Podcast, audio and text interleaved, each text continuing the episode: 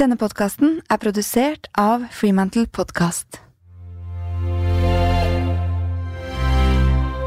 Det er jo på en måte det dummeste man kaster bort energi på, er jo å tillegge folk vonde intensjoner. Så sier noen liksom eh, 'snap out of it, nå krisemaksimerer du', så er jo det akkurat det jeg trenger å gjøre.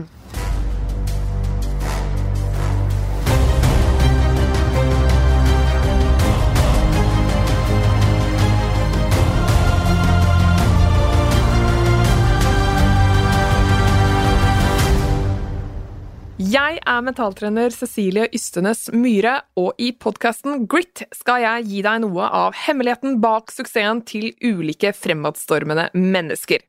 Mennesker som har grit. Dagens gjest i Grit er Elin Sandnes. Elin er en stjerne i norsk næringsliv. I en alder av 33 har hun allerede rukket å bli kåret til et av landets fremste ledertalenter i E24. Hun var tidenes yngste partner i McKinsey Norge når hun var 30 år, og er nå strategidirektør i DNB. Elin er født og oppvokst i Ålesund, startet å jobbe når hun var 15, og i 2018 kjøpte hun til og med en seilbåt uten å ha seilt over hodet før. Jeg gleder meg til å snakke mer om hva som har gjort at hun har fått denne kometkarrieren. Er det talent eller hardt arbeid? Hva har det krevd? Hvor mye selvtillit har hun? Og hvordan lader Elin for å kombinere jobb og fritid best mulig i en hektisk hverdag?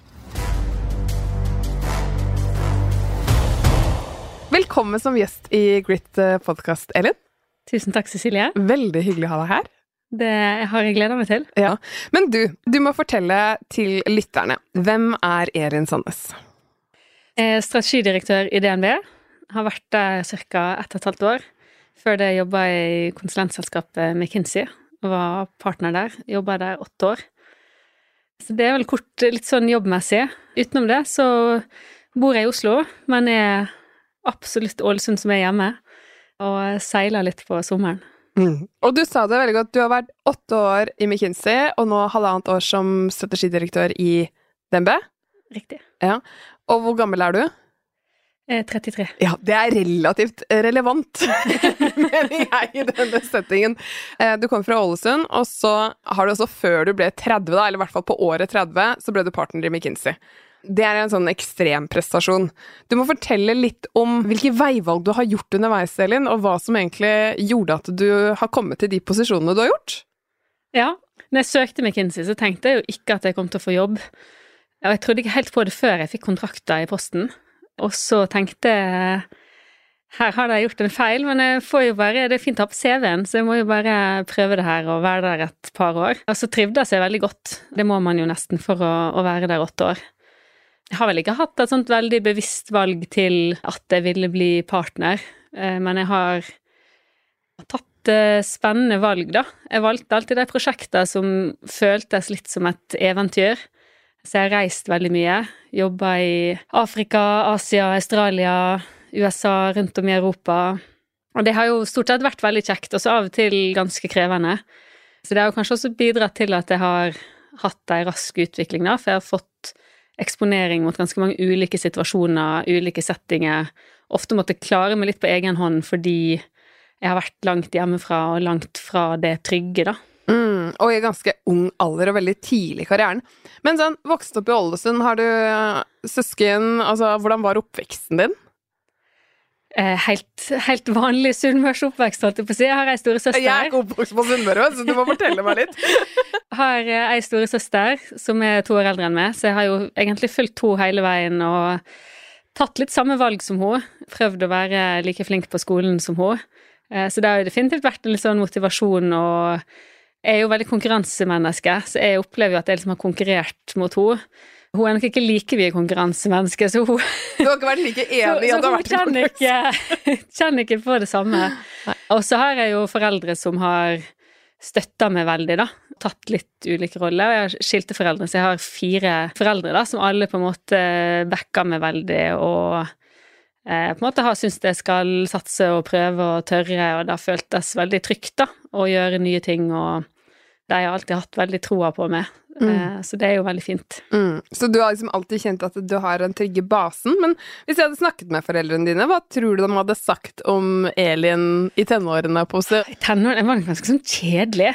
Jeg var veldig, likte å være flink på skolen. Jeg likte skolearbeid og syntes Spilte volleyball, hadde mye gruppe med venninner.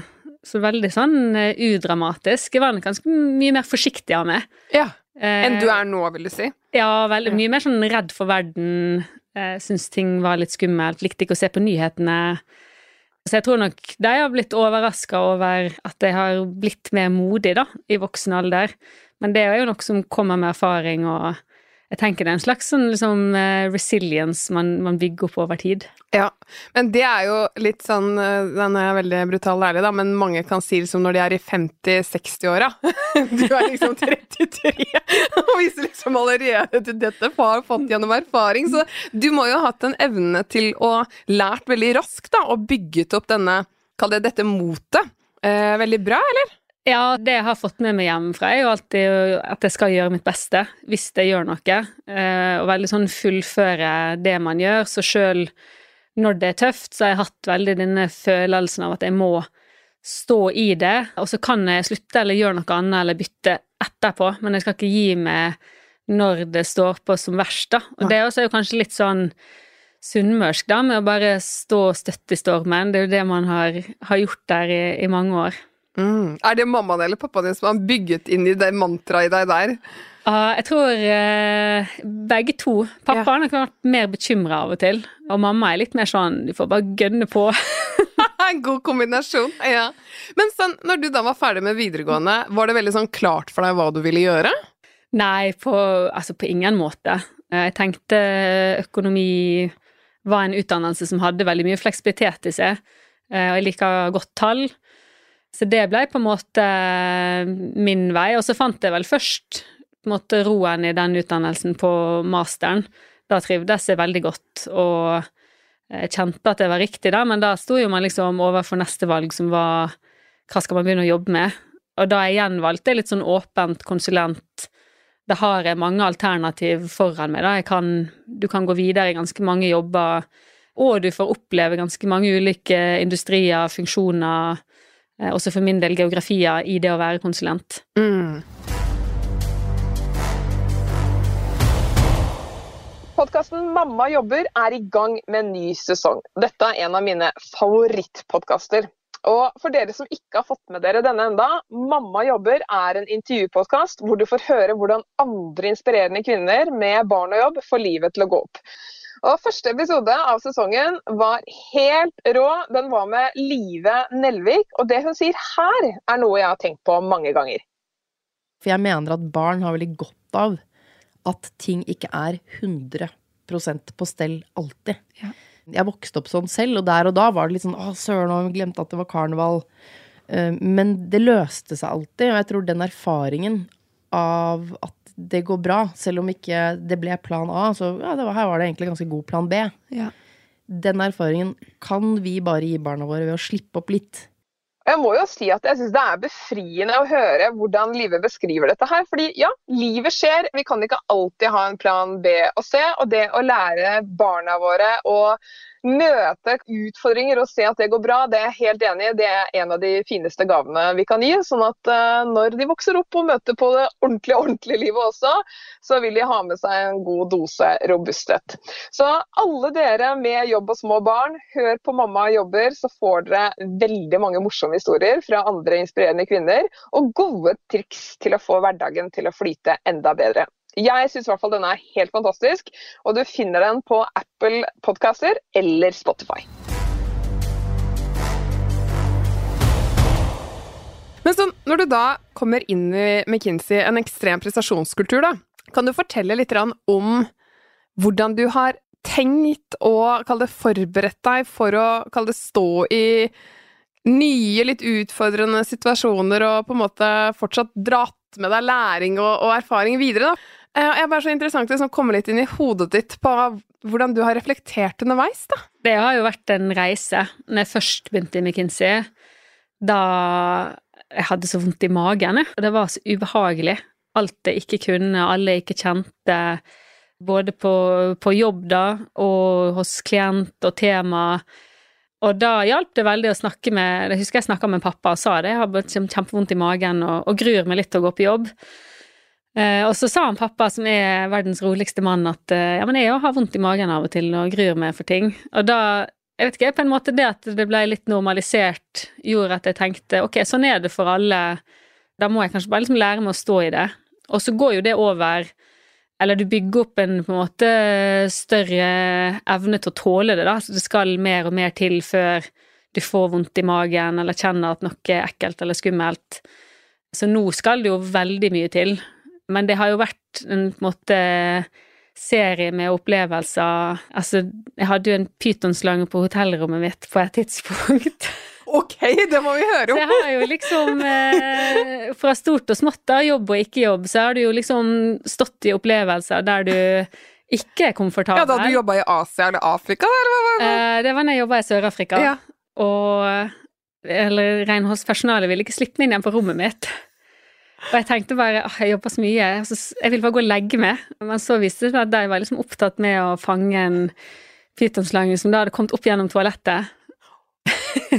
så der vet dere hva dere skal uh, sjekke på hotell Ja. i utlandet. Og, og ikke minst måtte være forberedt på å tåle, da! Ja, herlighet. Men eh, jeg tenker sånn, ok, så da har du på en måte fått med deg eh, både den sunnmørsholdningen og en pappa som sier at ja, men vet du hva, vi alle kan kjenne på å ha litt vondt i magen osv., så, videre, så dette går fint, jenta mi. Men du må si litt om hva som i bunn og grunn har vært drivkraften din, Elin. Fordi at det, når motivasjonen blir satt på prøve innimellom, og vi går så innmari ut av komfortsonen, så er det noe som må drive oss. Hva er det som driver deg? Jeg er veldig nysgjerrig på veldig mange ting, så jeg syns nesten alltid det jeg jobber med er kjempespennende. Og jeg liker veldig godt å gjøre en god jobb. Altså hvis, selv om jeg ikke nødvendigvis syns det er spennende eller interessant, så har jeg en veldig sånn stolthet i at jeg skal ikke levere noe der jeg ikke har forsøkt, i hvert fall, da, å Mm. gjøre en god jobb. Og så liker jeg bare å få ting gjort. Ja, Det er en sånn mestringsfølelse, eller? Ja, jeg er en sånn person som alltid kommer meg gjennom eh, to do-lista, både hjemme og på jobb, da. Ja. Og så er det jo i vanskelige situasjoner der man kanskje føler at motivasjonen brister, så har det jo vært veldig det her at jeg skal fullføre. Det er ikke noe jeg skal gi meg. Jeg skal ikke gi meg på et sted der jeg føler meg utrygg eller redd eller svak. Da skal jeg stå gjennom det her og fullføre det, og så kan jeg heller, når jeg er mer rasjonell og har fått litt pusterom, ta de store beslutningene. Mm. Men Elin, vi kommer oss ikke utenom eh, en viktig mental muskel, selvtillit. Hvor viktig har selvtillit vært eh, opp igjennom fram til nå, for deg? Altså, jeg bruker å spøke litt med at jeg har litt sånn ukalibrert selvtillit. Jeg prøver jo også å realitetsorientere litt og få litt feedback, men ofte så handler jo det å få til ting på jobb nettopp om å tørre å ta litt sjanser og si ja. Eh, Og da har jeg alltid tenkt litt sånn, ja, men det her får jeg jo til. Det er jo litt sånn pippementalitet, at Dette jeg ikke før, så det kan jeg sikkert få til. Er det litt det, eller? og så bruker jeg kanskje litt den eh, Altså, det er jo andre som gjør det her, som ikke nødvendigvis er bedre mennesker enn meg. Eh, og det har jo Altså, jeg brukte jo det blant annet når jeg kjøpte med seilbåt uten å seile før, så så jeg jo liksom ut på Oslofjorden, og så altså så mange folk som seiler her, så vanskelig kan det ikke være. Dette, dette må jo jeg også kunne lære meg. For å komme dit av hvor man tenker litt det. Hva er det du opp igjennom kallet har bygget selvtilliten din på? Vil du si at det er den, den derre tryggheten, den, den derre selvfølelsen du har fått med deg hjemmefra fra mammaen og pappaen din? Eller er det at du har gjort deg så mange erfaringer at det blir på en måte en sånn selvtillitsbank du bare ser nå verden gjennom? Jeg tror det er mer erfaringsbasert. Når man først begynner i arbeidslivet, så ser jo du Altså, jeg husker bare de som var liksom ett nivå over meg, associates, og tenkte herregud, så flink de er. Altså, dit kommer jeg aldri. Og så plutselig er man der, og så tenker du ok, men der er en sånn naturlig fremgang i ting. Man, man får til ting, man lærer ting. Du ser, du ser din egen utvikling, og så kommer du på en måte på mer og mer seniornivå, og så skjønner du at det er jo ingen som sitter med fasiten, og det jeg sitter med, er jo en evne til å kunne gjøre analyse, bryte ned problem, en arbeidskapasitet. Eh, Og det er jo faktisk ting som kan hjelpe med å finne en fasit, istedenfor at man tenker på liksom ledere eller toppledere som, sånne umenneskelige som bare trekker alt ut av lufta og, og ser en sånn eh, ja, uovervinnelig sannhet, da. Så Ja. er det jo egentlig bare hardt arbeid og evnen til å tenke strukturert som stort sett også har tatt deg dit. Så du vil si at det på mange måter skjedde en liten sånn switch også i å gå fra å ha relativt ok selvtillit, men enda mer selvtillit fra du kom da til opp på associate? Ja, Mm. eh, og egentlig for hvert steg så har jeg fått mer sjøltillit. Eh, også når jeg ble prosjektleder, da er man mye tettere på partnerne, og du ser at det de kommer med også, er jo bare masse erfaringer de har gjort seg, og evnen til å sette det i kontekst. Og så opplever man sjøl at man gjør seg flere og flere erfaringer. Om jeg skal holde en presentasjon, da, så kan jeg være kjempenervøs, og så tenker jeg åh, hva kommer folk til å tenke om meg, og eh, hvordan kommer jeg til å gjøre det? Men mest sannsynlig så sitter jo alle andre også bare og tenker på seg sjøl, på samme måte som jeg sitter og tenker på meg sjøl. Og hvis man klarer å liksom hele tiden minne seg på det, så blir det ikke så farlig, da. Fordi om jeg går fra en presentasjon og tenker å, jeg burde sagt det annerledes og gjort det, og der snakker jeg litt fort Mest sannsynlig ingen i publikum som har lagt merke til det, og det er i hvert fall ingen som kommer til å sitte og tenke på det over middag, så hvorfor skal jeg bruke min energi på det? Min annonsør Dagens Næringsliv har en gruppe på Facebook som mange av dere kanskje kjenner til, nemlig DN Kvinner. Den ble startet allerede i 2019 for å fremme mer åpenhet og kunnskap om økonomi og karrieredilemmaer blant kvinner. Og det må jeg si, dette er en fantastisk gruppe der det tas opp veldig mye nyttig.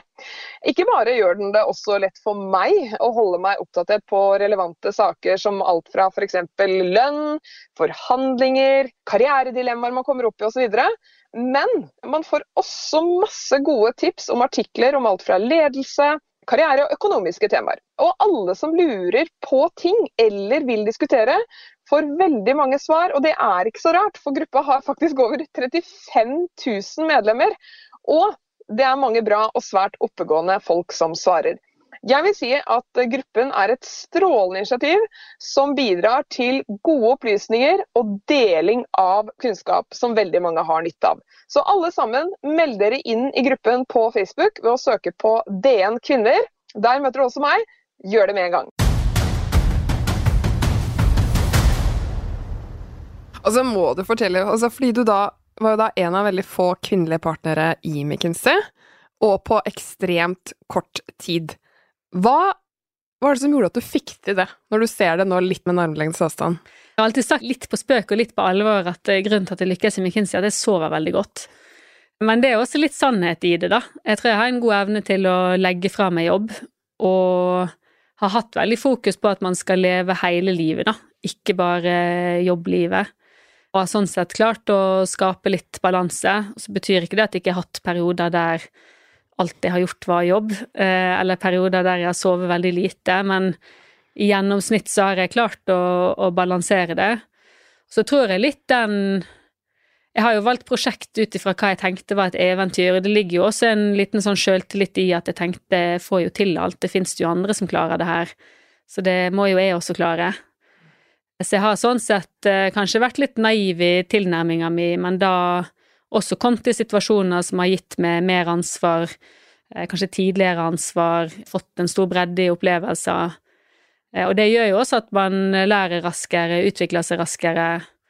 Som er viktig også, for deg? Ja, det holder jo jobben veldig spennende, da. Mm. Så selvfølgelig av og til har jo jeg stått midt oppi noe og tenkt ah, hvorfor, hvorfor tok jeg ikke det enkle valget? Men eh, det går jo over, det òg. Så jeg er jo gjerne veldig sånn tilgivende i at sjøl de prosjektene som jeg vet var beintøff, jeg tenker jo tilbake på det og husker det som utrolig hyggelig. Altså samholdet på teamet. Altså, alt blir jo positivt i retrospekt, så det er jo det nær å bygge opp eh, en slags resilience da, til å stå i ting eh, og fokusere på det du får med deg, da, om det er gode vennskap eller læring eller andre fordeler. Og så kan man vel på mange måter si at du ble headhunta til DNB, fordi du, du Plutselig så satt du da i toppledelsen i DNB. Du må si litt om det spranget, og hvordan det har vært. Det har vært utrolig lærerikt å komme over til DNB. Bank var jo ikke en sektor jeg jobba med når jeg var i McKinsey, så det har også vært en sånn utrolig bratt læringskurve. Og veldig gøy å være på den sida, da. Å jobbe med ting og være så tett på gjennomføring av det også. Og komme litt bort fra Altså, der du er inne og rådgir, og så forsvinner du ut igjen og ikke alltid vet eh, blir det implementert eller ikke, lykkes det eller ikke, så er man jo nå mye tettere på, på hele forretninga. Mm. Og det har også vært veldig positivt i McKinsey, så møter man jo utrolig mange liksom flinke, smarte kollegaer fra hele verden. Og det å begynne i DNB har også vært utrolig positivt. Altså det er en veldig kompetent gjeng, og det arbeidsmiljøet jeg har fått der, har også vært et veldig sånn trygt og fint sted å lande. Og et sted der jeg føler jeg fortsatt blir utfordra. Mm. Så det har vært en stor overgang, men veldig, veldig positivt. Men har du alltid sett på deg selv som en leder? Åh, jeg har i hvert fall alltid vært sjefete, da. Ja. Eh, det var jo det man Jeg har alltid likt å bestemme, og har jo alltid hatt mye meninger. Og kommet eh, fra en familie der man diskuterer ting og diskutere jobb og skole over middagsbordet og, litt, og skal ha litt meninger, da. Mm. Og ta stilling til ting. Og det er også noe som er veldig viktig for meg eh, generelt, at man har meninger og bare egne tanker, da. Ja. Jeg har ikke nødt til å ha personalansvar, men jeg liker å ha en stilling og en jobb der jeg føler jeg kan være med og påvirke og drive ting framover. Mm. La oss snakke litt om verdier. Hva er viktig for deg der, og hvordan guider de deg i hverdagen? Jeg vil si det som definitivt er viktigste, er det å, å leve hele livet. Og det er kanskje blitt enda viktigere gjennom covid, der man ser alt man har valgt bort, da, eller eh, det blir så tydelig det man går glipp av når verden plutselig stenger ned. Så det er utrolig viktig å klare å skape den, den balansen. Og så er det også veldig viktig for meg det med å, å tenke sjøl, ha egne meninger, ikke bare ta ting for gitt, eh, eller godta at liksom det er sånn fordi noen sa sånn og sånn. Eh, og så er det også veldig viktig altså det personlige elementet på jobb. Jeg blir veldig motivert av de jeg jobber med, personene jeg har rundt meg, og se de som fullverdige mennesker, da, og forstå deres ståsted. Også det å ha humor og godt humør i hverdagen er veldig viktig ja, for at jeg skal føle, føle at det er en fullverdig hverdag, da. Mm. Men du, la oss snakke litt om dette med motgang. Fordi at det er jo ikke så utfordrende å være liksom, den beste versjonen av seg selv når vi opplever flyt og mestring etc., men når du står i situasjoner som du kjenner er ganske heftige, hva, hvordan tenker du da? Det jeg begynte med ganske tidlig i McKinsey, var når måte, ting stormer som verst, er jo instinktet er jo bare å, å jobbe mer. Eh, Og så prøvde jeg litt som en sånn motvekt til det å bare ta én time hver dag, som bare var min tid. Der jeg kunne gjøre ingenting. Jeg kunne lese litt mail, jeg kunne trene. Eh, Men det at man får litt headspace også i motgang, gjør jo at man klarer å sette ting litt mer i perspektiv. Og det er ikke så lett å la seg rive med. Og så er det jo litt Jeg ringer ofte søstera mi hvis jeg føler at jeg sjøl begynner å krisemaksimere. Og da er hun den første som sier at nå er du helt liksom irrasjonell, og, og alt går jo over. Og det meste ender godt.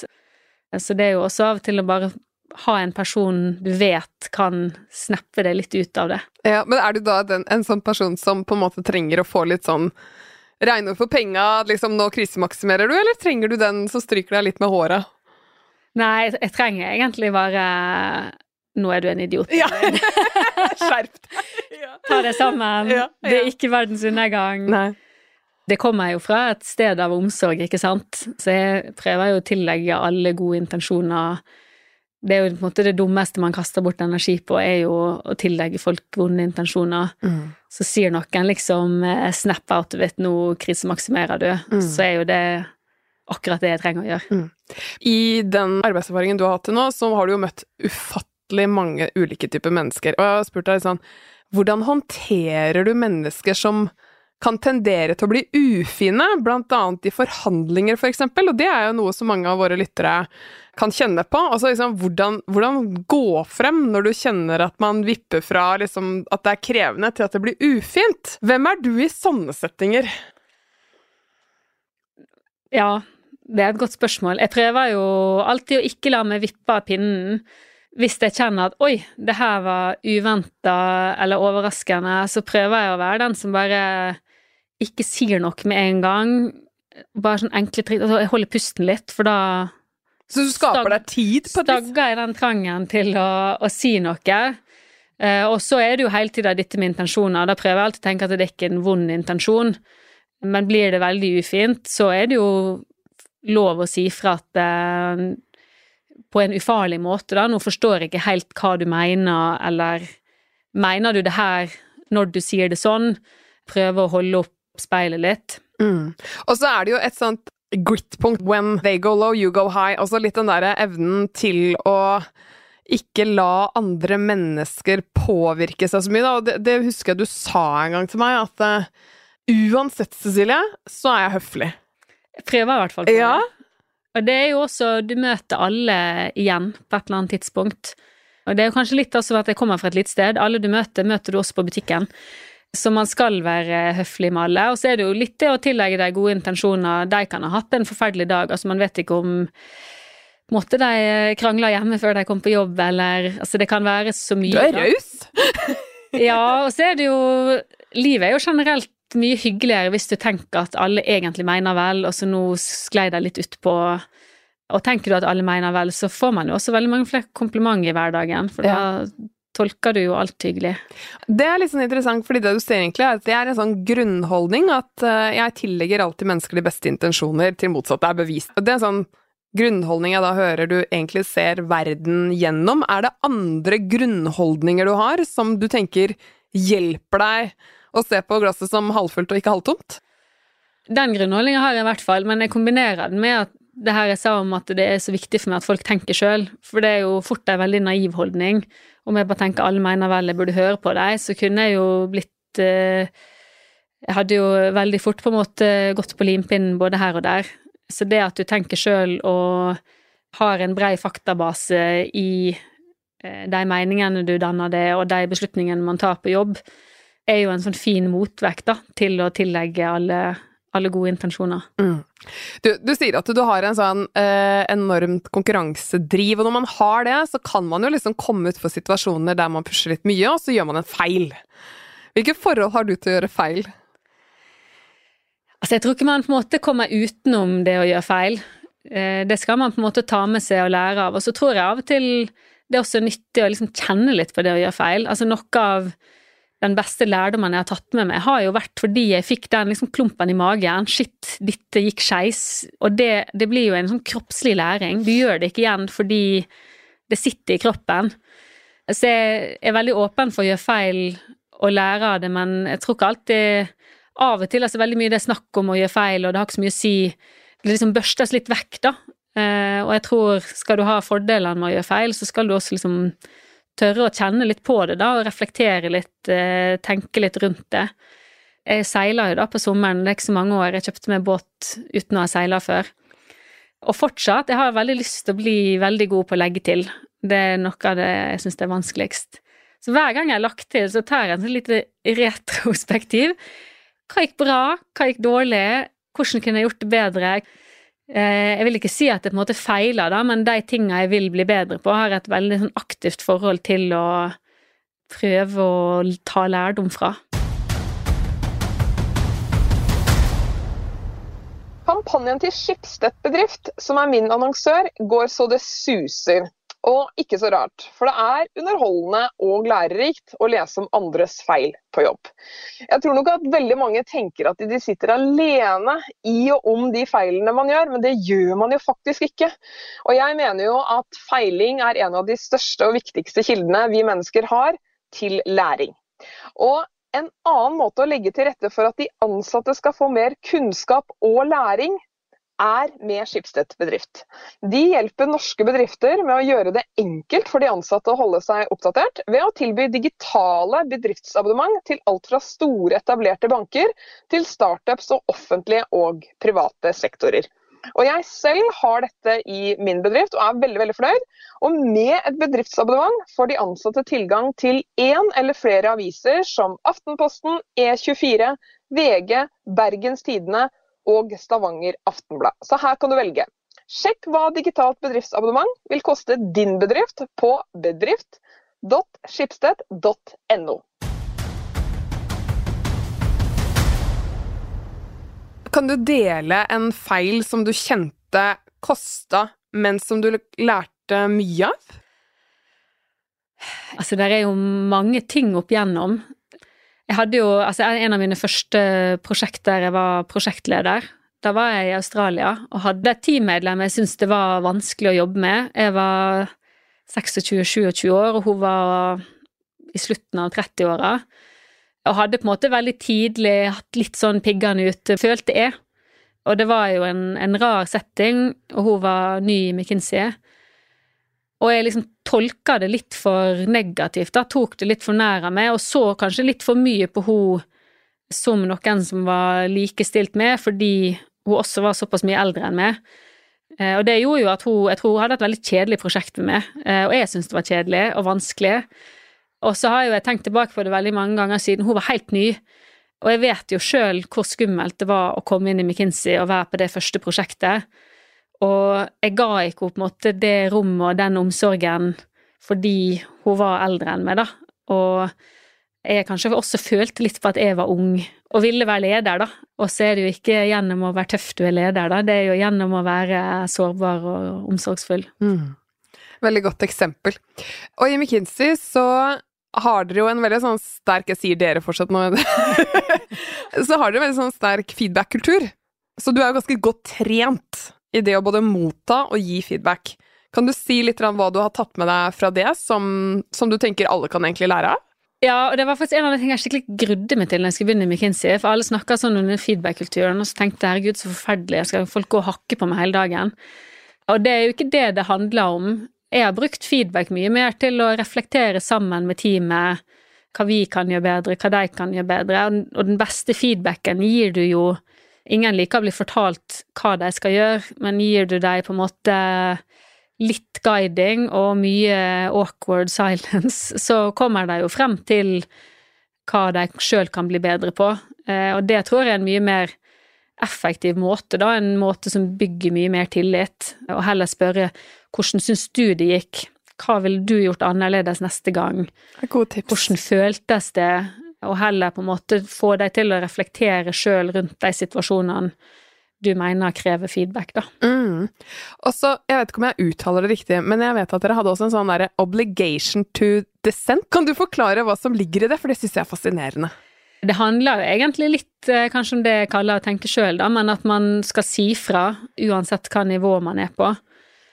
Og det handler jo om at hvis eh, noen som er helt nyansatt har ei innvending til konklusjonen eller eh, hvordan vi gjør ting, så skal de alltid si fra. Ja, for det, eh, oversatt så betyr det egentlig at du har en forpliktelse. Plikt å si fra. Ja. Eh, på godt og vondt, da. Så det kan være syns du noen faller utenfor i teamet, så skal du si fra. Syns du vi lander på feil konklusjon, så skal du si fra. Syns du vi jobber for mye, så skal du si fra. Altså du skal liksom si fra om det du, både det du opplever som rett og urett, da. Jeg syns det er ganske kult. Og det er jo en, en fin måte å, å ta bort hierarkiet, eller kanskje ufarliggjør hierarkiet. Der man ofte på mange arbeidsplasser tenker å, nå kommer sjefen, da må jeg på en måte sitte pent på plassen min. Så er jo det her tenkt til å, å ta bort litt den frykten, fordi eh, det er en plikt, da, og ikke et valg. Den, den, tror jeg har lyst til å ta med meg inn i mitt eget selskap. Obligation to å si fra. ok. Så, men du, en annen grit-egenskap eh, handler om å ta de samtalene man frykter. Nå har vi jo snakket litt om det med feedback og sånn, så jeg antar kanskje det er litt av det du tar med deg inn i sånne type samtaler. Men hva er holdningen din til å ta samtaler du ikke liker, eller som du kan grue deg litt til? Altså, med alt i livet så må du jo gjøre det du kvir deg til først. Eh, og det er jo ofte nettopp det sånn mellommenneskelige, de vanskelige samtalene, for eksempel. Men der òg er det jo viktig å, å gå inn og være ydmyk og lyttende. Det handler jo igjen, da, veldig ofte så har ikke folk dårlige intensjoner, men de kan føle seg usikre sjøl, eller ha andre forpliktelser, eller oppleve en konflikt med en annen leder. Så det er jo fint å bruke også verktøy sånn når du gjorde det, så opplevde jeg. Eh, da tillegger man ikke intensjon, men bare forteller hvordan noe opplevdes. Og så tror jeg veldig mange vil sette pris på. At man tar det sånn ansikt til ansikt da, og setter seg ned og er sånn Er dette riktig? Har jeg forstått det rett? Og også om det er situasjoner, andre vanskelige situasjoner, kan jo være om noen på team eksempel ikke gjør det så bra. Eh, så er jo det man åpner med, jo aldri du, 'nå går det skikkelig dårlig', du gjør det kjempedårlig. Du åpner jo med 'hvordan går det med deg'? Eh, for mest sannsynlig har jo den personen også kjent på det. Mm. Og det er jo det å etablere en dialog på, på lik linje, da. Mm. Godt poeng. Å levere mer enn forventa er jo også en grit-egenskap, og jeg hører jo det at du har hatt en grunnholdning om at jeg fullfører alltid. Det er jo på en måte det, men har du alltid hatt en egen forventning til deg selv? Jeg har nok hatt en sånn indre driv, da. Jeg husker jeg, jeg jobba på skobutikk når jeg gikk på videregående, og hvis vi fikk inn mye vare da, stengte butikken åtte. Altså, jeg var på lageret til alle skoeskene var på plass. Mm. Eh, og av og til kanskje liksom ikke nok evne til å, å sli, slippe det og, stoppe, så det kan jo gå litt, litt, begge veier. Og så tror jeg på det punktet i, i karrieren min nå, så er det jo ofte forventninger, ofte noe man er med på å styre opp sjøl. Så da ligger jo ansvaret mer på meg til å hele tida være trygg på at jeg setter den lista høy nok, men også klare å være pragmatisk. Er det nødvendig med en ekstra analyse? Vil det utgjøre en forskjell? Drive det arbeidet fremover? Mm. Mm. Gode poenger. Du, jeg tenker sånn, med den arbeidskapasiteten du har, og da den viljen til å levere det lille ekstra, så kan det jo ligge en lite faresignal på at du også kan jobbe deg litt i hjel når du har så mye passion. Eller hvordan er det du klarer å holde deg på riktig side av den veggen? Ja, jeg merka det først når jeg begynte å jobbe som prosjektleder. Da kjente jeg at det av og til var vanskelig å sette grenser, for jeg hadde to do-list man på en måte ikke kom seg gjennom. Så kan du jobbe gjennom natta, men jeg tenker, jeg tenker veldig dårlig på kvelden. Et A-menneske. Eh, så det trikset jeg gjorde, da, var at jeg gikk alltid og la meg relativt tidlig. Og så tenkte jeg men jeg kan stå opp tidlig som helst å jobbe. Så jeg kan, og jeg kan sånn sette alarmen på fire. Ja. eh, det er fortsatt natta for meg, men ja. eh, å jobbe, men da når alarmen ringer klokka fire, altså da er man sjukt god til å prioritere, så da flytta jeg den jo alltid til seks og tenkte det her trenger ikke fire timer, jeg tar det på to. Og jeg visste jeg kom til å gjøre det sånn, så det ble jo en sånn mekanisme for å, å prioritere litt og hjelpe meg sjøl å prioritere. Mm. Og så det er jo noe som kommer med erfaring, at man man ser hva som utgjør en forskjell og ikke. Jeg er ofte overraska over hvor mye kapasitet man faktisk har når det gjelder, men det er jo om å gjøre å ikke ha eh, brukt opp den før du faktisk trenger den. Ja, Men er det noe sånn etter eh, nå med mye erfaring, og også det å jobbe mye under press og ha ansvar, er det liksom noen ting du tenker sånn Ja, dette er ting som funker for meg nå. Når jeg følger disse, så holder jeg meg ganske bra balansert. Som du kan dele med andre? Så jeg har alltid tenkt at man kan bare gjøre ei stor endring i livet om gangen, og så må du gi deg sjøl liksom slekk på alt annet. For eksempel i McKinsey, hvis jeg skulle over i en ny rolle, da var det det som var min prioritet i tre, fire, fem, seks måneder, altså så lang tid det tok. Og da var det greit at jeg skippa trening, og det var greit at eh, jeg liksom ikke leste Altså, det var greit at jeg firte litt på kravet andre steder i livet, fordi jeg skulle ta et eh, stort løft ett sted. Ja, Som krever masse viljestyrke og energi. Mm. Ja, og det også er jo For min del har det vært på en måte veldig disiplinerende. Så tenker man ofte på disiplin, det er jo denne personen med sånn fargelagt uh, skjema for hver uke. Men for meg er disiplin mer det å si 'dette er viktig nå', viktigst, jeg tør å sette noe øverst. Og da firer jeg på krava alle andre steder. Mm. Men du har jo da altså kjøpt deg en seilbåt. Uten å kunne seile først. Altså, det er altså bare kjempemorsomt. Men er det også en ladestasjon for deg? Absolutt. Og en læringsarena, da, så jeg liker jo veldig godt å lære nye ting og gjøre nye ting. Og du får jo enormt mye mestringsfølelse av å gjøre nye ting.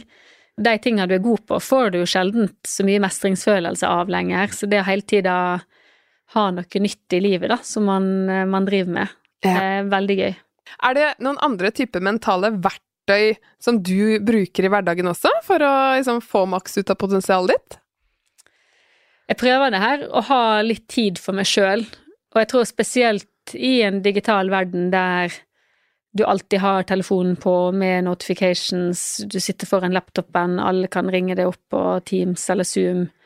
Så jeg tror det er viktig å bare ta litt ut av den dagen da, og si at det, det er min tid, jeg skal ikke være tilgjengelig for noen, jeg skal ikke sitte med laptopen eller telefonen. Det er også en av grunnene til at jeg liksom klamrer meg til skriveboka mi, for da kan jeg jobbe uten å nødvendigvis være tilgjengelig hele tida. Mm. Men du har jo vært i mange settinger der du må forberede deg veldig godt på veldig kort tid. Hvordan går du frem da? Eh, generelt så er jo jeg veldig for forberedelser. Det er jo ekstremt sånn undervurdert i arbeidslivet, verdien av gode forberedelser. Har jeg kort tid, så handler det jo om å tenke ok, hva skal Er det en presentasjon, er det et møte? Hva skal jeg få ut av det? Er det altså virkelig liksom forstå formålet, da, eller sette formålet for meg sjøl? Eh, og er det en presentasjon, så handler det kanskje mer om bare å, å øve, gjerne øve foran en annen person, og få feedback og, og innspill fra deg. Og så tror jeg også i forberedelser så ligger det jo mye prioritering, at du virkelig tenker hva, hva er det viktigste, og så ta bort, ta bort resten, da. Ja, men den derre vurderingen der på å faktisk vite hva er viktigst, det er jo ikke alltid like lett hvis man i hvert fall er litt fersk i rollen, da. Hvordan har din terskel, har den vært lav eller høy for å be om hjelp i sånne settinger? Jeg liker generelt veldig godt å be om hjelp, og det har jo Kanskje det som har vært gjengangeren i karrieren min, er at jeg har veldig i stor grad valgt folk når jeg har valgt hvem jeg skal jobbe med.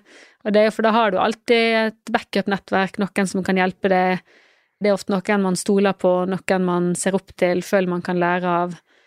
Og da har du jo folk du kan trekke på i alle settinger. Mm. Du, jeg tenker jo sånn så at uh, det kan sitte ganske mange lyttere der ute som tenker at Shit, ja, jeg har også liksom noen langsiktige mål eller drømmer som jeg har lyst til å nå, da, men jeg er litt usikker på om jeg har det som skal til for å komme dit.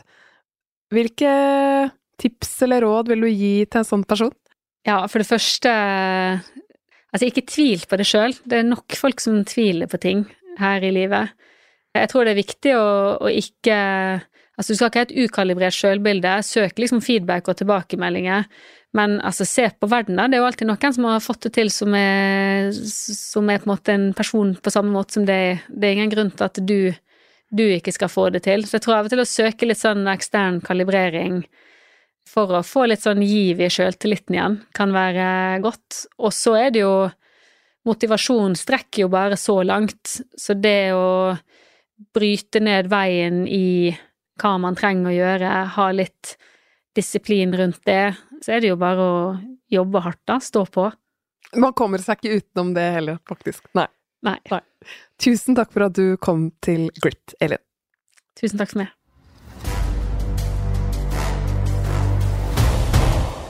Det var samtalen med Elin Sandnes, strategidirektør i DNB. Så husk nå å trykke på abonner på Grit Podcast, så får du beskjed om når eh, den nye episoden kommer. Eh, og da skal vi dypdykke litt mer i samtalen eh, med Elin og dra overføringsverdi til deg og din hverdag. Jeg vil jo at du skal lære mer om hvordan du kan lære av feilene dine, bygge selvtillit og viljestyrke. Ha det bra så lenge. Har du lyst til å lære mer om mentaltrening og grit? Da kan du lese mer i boken min Mental styrketrening, eller boken Stå støtt som kom ut i 2021. Du kan også gå inn på rawperformance.no og lese mer om hva vi tilbyr av tjenester der. Alt fra én-til-én-samtaler, kurs, foredrag og utdanning.